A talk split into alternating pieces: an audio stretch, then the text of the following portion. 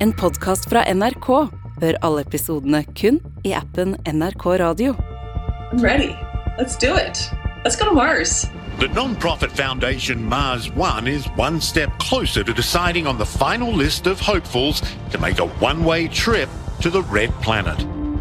Etter flere år med planlegging og pengeinnsamling var de ett steg nærmere drømmen. Å kolonisere planeten Mars. 24 people will be chosen to make six crews of four. The group plans to send those crews every two years, starting in 2024. Their goal to set up a permanent colony on Mars. Men selv om mange gleda seg til at både ferden og reality-programmet som fulgte med skulle begynne, hadde det hele begynt å slå sprekker. Dette er siste episode om romfartsekspedisjonen Mars One. Hører på Oppdatert. Jeg heter Gry Baby.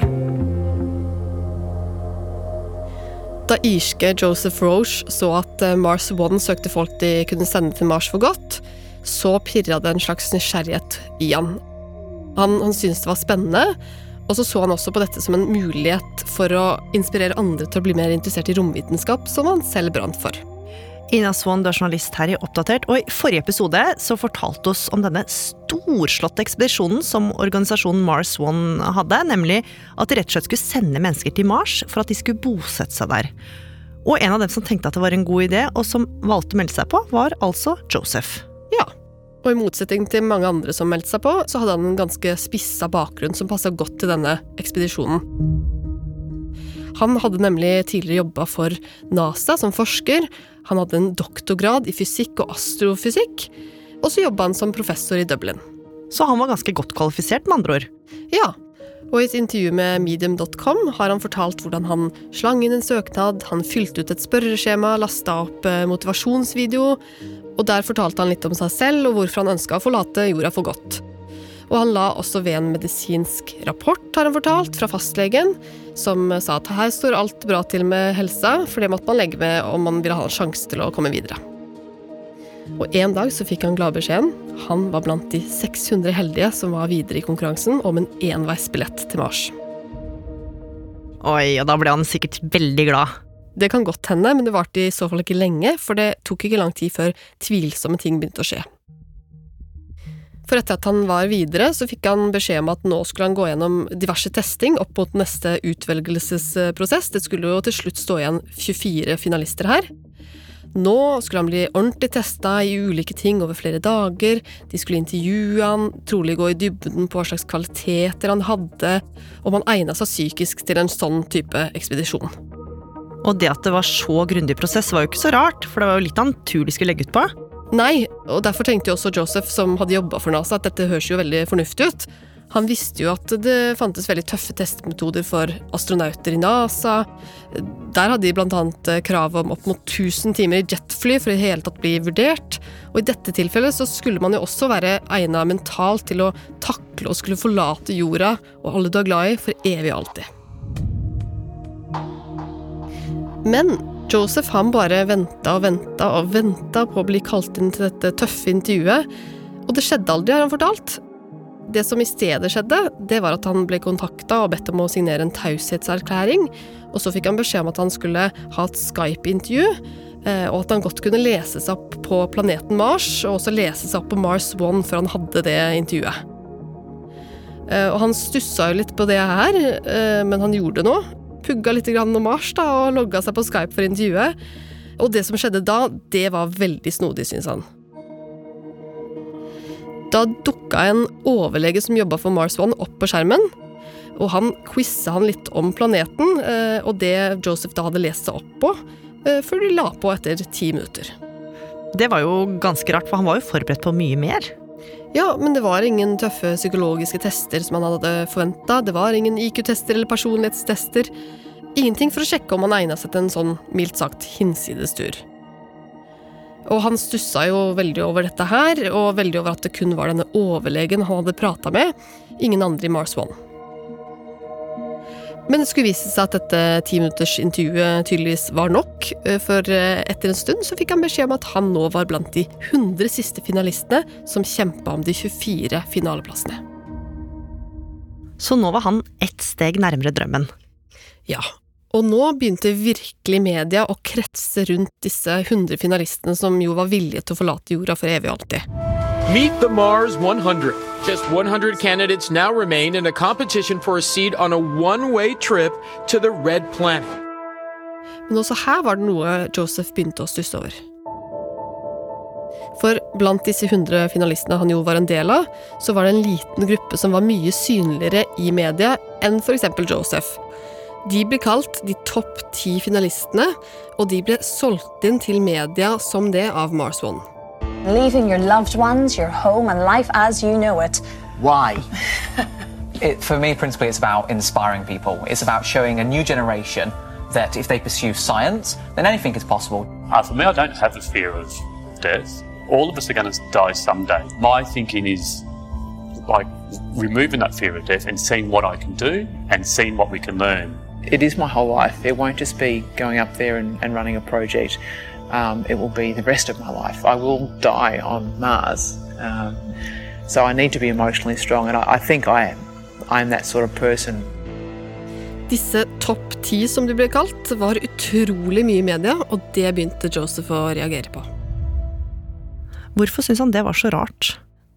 Han mistenkte at det ikke var fordi de var mest egna til det, at de ble kalt de topp ti finalistene, men at det handla om noe helt annet. For da han og alle de andre hadde kommet gjennom den første utvelgelsesprosessen, så hadde Mars One annonsert et poengsystem.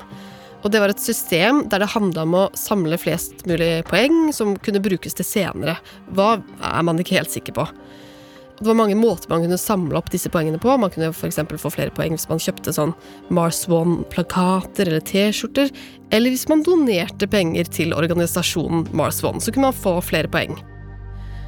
Og Joseph han mistenkte nå, da han så disse folka var så mye i media, at dette handla ikke om at de var de beste kandidatene, men at det egentlig bare var de som hadde samla opp flest poeng. Og at Mars One rett og slett bare belønna dem med å promotere dem ut i media som storfavoritter. Ja, At de på en måte hadde kjøpt seg til topplassering, da, eller? Ja, det var det Joseph nå mistenkte. Men så skjedde noe annet rart som han reagerte på. For en dag så fikk han en e-post fra ledelsen i Mars One som hadde noen tips og triks til hvordan eh, disse finalistene kunne håndtere all denne medieoppmerksomheten. Og der sto det blant annet at hvis du blir tilbudt betaling for et intervju, så må du gjerne akseptere det. Eh, men vi ber deg veldig pent om at du da donerer 75% av denne summen til Mars One. Så ikke bare ble de oppfordra til å ta imot penger for å gi intervjuer, de ble også oppmuntra til å gi mesteparten av pengene til organisasjonen. Hvordan reagerte Joseph på det? Dette mente Joseph var totalt useriøst. Eh, og det var da han bestemte seg for at dette her, det ville han ikke være med på lenger. Eh, og til tross for at han hadde skrevet under på en taushetserklæring, så valgte han å bryte den. Han gikk ut i den britiske avisa The Guardian og også nettstedet medium.com og fortalte om hele dette opplegget han mente ikke var seriøst nok. Alt fra et poengsystem, mediataktikk og ikke minst en nokså skranten utvelgelsesprosess, ifølge han selv. Hva sa Mars One til det her, da? Nei, En talskvinne for selskapet bekrefta at disse topp ti-folka var basert på poeng, eh, men sa også at disse poenga ikke hadde noe å gjøre med hvem de faktisk kom til å sende til Mars. Men hva skulle de med de poenga da? Det er litt usikkert, eh, og ikke noe jeg har klart å finne ut av, i hvert fall. Men det som er sikkert, det var i hvert fall at Mars One ikke var særlig fornøyde med det Joseph hadde gått ut og sagt. Bass Landstorp, som var administrerende direktør, han la til at det var mer av det Joseph hadde hevda som var feil. Blant annet at denne utvelgelsesprosessen ikke var basert på psykologiske tester. Og det mente Landstorp at det var. Og så la han også til at eh, selv om Joseph hevda at han aldri hadde gått gjennom en medisinsk test, så hadde 1000 av de andre kandidatene fått medisinsk sjekk som var veldig lik sjekken NASA pleide å kjøre på sine astronauter. Hmm. Hvilke konsekvenser fikk det for Joseph, da, at uh, han hadde vært så kritisk? Nei, like etterpå så skal han ha fått beskjed om at han nå ikke lenger var med i prosessen. Han var ikke en av de 100 finalistene lenger, fordi han hadde brutt taushetsplikten sin. Og med Joseph ute av dansen, så var det da 99 igjen da, som kjempa om å få bli sendt til Mars. Ja, Men mange av de jubla nok ikke, eh, for det var ikke bare Joseph som hadde oppdaga tvilsomme ting med Mars One. This is a debate, formal debate on the subject is Mars One feasible?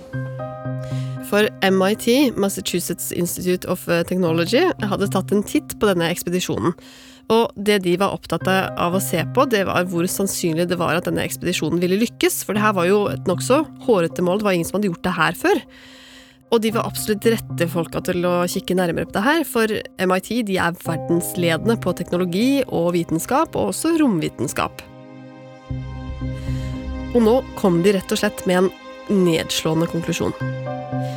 De mente at med den teknologien de hadde på det tidspunktet, så ville det ikke være mulig å holde mennesker levende på Mars, som Mars One planla, om bare noen få år. De mente også at planen Mars One hadde for å få det til, ikke var realistisk med tanke på penger og utstyr og tidshorisonten de hadde satt seg. Og dette her så jo ikke bra ut for Mars One, for når verdens ledende romfartseksperter sier noe sånt nå, så skjønner jo investorer og andre som er involvert i det her, at det her kommer til å koste mye, mye mer enn det de har gitt uttrykk for. Men det verste av alt, det var kanskje at de kom fram til at eh, hvis Mars One nå mot formodning klarte å sende disse første heldige finalistene til Mars, så ville de sakte, men sikkert bli kvelt etter hvert og dø etter 68 dager. Oi, det høres ikke ut som en veldig sånn lystig reality-program. På ingen måte. Og på toppen av det hele, rett etter dette her, så gikk da Gerhard til Hoft, som var en tidligere nobelprisvinner, som hadde vært del av Mars One, og på en måte støttet de og vært deres ambassadør, ut og sa at det ikke var sannsynlig at de ville klare å kolonisere Mars om ti år men om kanskje 100 år. Oi, Så nå hadde også en av de største støttespillerne rett og slett mista trua? Han hadde mista trua. Så nå måtte Mars One kanskje omstille seg, da, eller? Ja, det kunne jo virke som at de etter hvert skjønte at de ikke hadde ting helt på stell, for plutselig så utsatte de prosjektet. Mars One is trying to establish the first human settlement on Mars in 2027. And it's going to be a mission of permanent settlement, so the people that we send there are going on a mission forever, for the rest of their lives. De utsatte det tre år, og den nye avgangsdatoen det ble 2027 pga. mangel på penger til å utvikle teknologien. Og det er jo ikke helt uvanlig at en ekspedisjon blir utsatt eller går tom for eh, penger. Men så kom nok en beskjed. Det er utsatt igjen. Og denne gangen til 2032. Mars One wants to send humans to Mars, uh, landing the first crew in 2032. Og så ble det stille. Man hørte ikke noe mer fra disse Mars One-folka, det ble stille i media. Hvis man leste noe, så var det som regel intervjuer med noen av disse 99 finalistene som var igjen, som enten uttalte seg om at de var bekymra for hele ekspedisjonen, eller som gikk ut og sa at de trodde fortsatt at det kom til å skje, men at det bare var snakk om å skaffe litt mer penger. Og sånn fortsatte det egentlig i ganske mange år. Og der satt jeg og lurte på hva i alle dager som skjedde med den elleville romferden jeg hadde lest om i 2012. Men så, i 2019, så skulle jeg og alle andre få svar. Da dukka det nemlig opp en artikkel i den lille sveitsiske lokalavisa Landbote. Og i den artikkelen så var det en notis fra retten i byen Basel. Og der ble Mars One og selskapet som eide organisasjonen, nevnt. Det sto at den 15. januar 2019 klokka 15.37 så erklærte domstolen selskapet for konkurs. Og da var det ikke lenger noen tvil. Det ble ingen reality på Mars. Mars One Ventures has filed for bankruptcy. They had managed to raise significant investment to apparently send people to Mars on a one way ticket and then leave them there to establish a colony.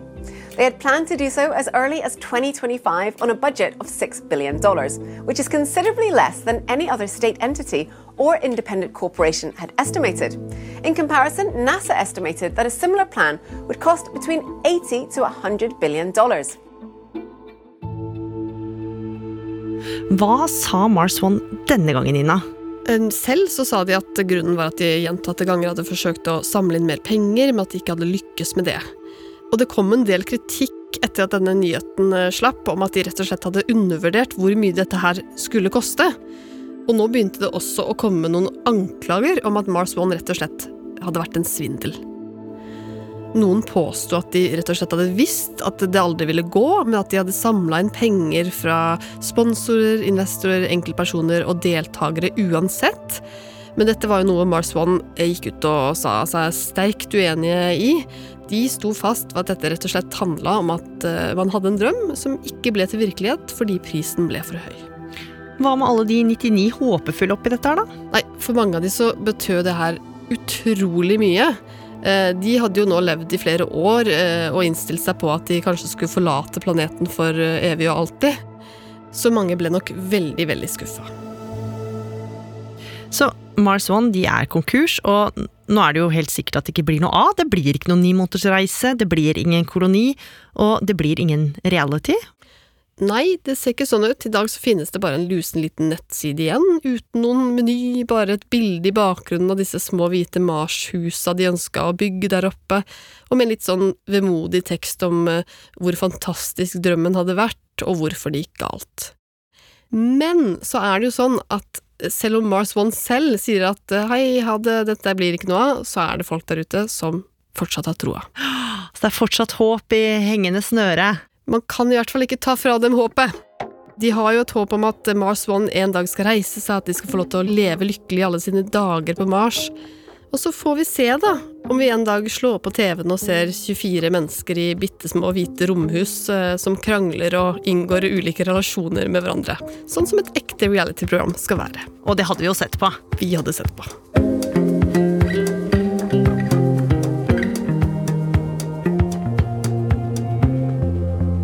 Oppdatert er en podkast fra NRK Nyheter, og denne episoden den ble laga av oss.